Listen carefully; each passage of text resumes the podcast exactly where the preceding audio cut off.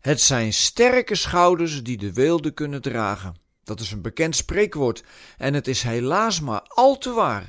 Ik heb mensen zien veranderen toen het saldo op hun bankrekening steeds hoger werd. Ze kregen praatjes en begonnen neer te kijken op mensen die het minder breed hadden. Maar het geldt ook voor macht.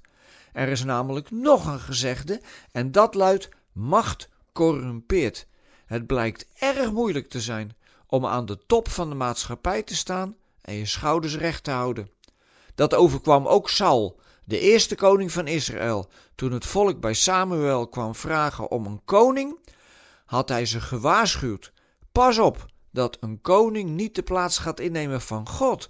Samuel was er heel erg kritisch over dat het volk een sterke man wilde. Hij zei eigenlijk: Als jullie dit gaan doen, dan verwerp je God. Helaas kennen we allemaal de voorbeelden van de sterke leiders die de macht niet aankonden. Een heel bekend voorbeeld is uit de geschiedenis van Zimbabwe. Robert Mugabe verdreef met zijn medestrijder de blanke apartheidsoverheersers, notabene gesteund door verschillende kerken. Toen hij eenmaal aan de macht was, bracht hij het land aan de economische afgrond, terwijl hij zichzelf enorm verrijkte. Zijn medestrijder werkte hij eruit. Hij kon de macht niet aan. Maar hoe is dat nu eigenlijk in het klein? Ik weet niet of jij veel macht hebt. Uiteindelijk heeft iedereen macht, hè? Maar laten we beginnen bij de positie op je werk. Ben je teamleider of chef of manager of hoe het allemaal mag heten? Moet je mensen aansturen en moet jij het functioneringsgesprek met ze voeren? Is in dit soort machtsverhoudingen je geloof toevallig ook te herkennen? Jezus dacht vanuit de macht van de liefde en vraagt daarom dat wij dat ook doen.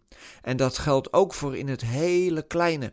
Je kunt zo makkelijk macht over mensen uitoefenen. Dan gaat het over onderlinge relaties. Ouders die hun macht over hun kinderen laten gelden. Kinderen die hun bejaarde ouders mishandelen of de erfenis zo snel mogelijk proberen te krijgen. Het heeft allemaal met macht te maken en niet met dienen.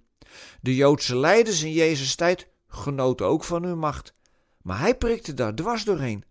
Saul was niet in staat om het koningschap te leven naar Gods bedoeling.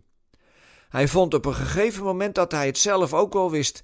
Hij brengt zelf het offer als Samuel niet snel genoeg komt, omdat het volk ongeduldig werd. Dat doet me even denken aan Pilatus, die het volk haar zin gaf omdat hij geen gedoe wilde. Saul spaarde vee van de buit na een veldslag, terwijl dat uitdrukkelijk niet mocht. En hij liet de vijandige koning in leven, wat hem ook verboden was.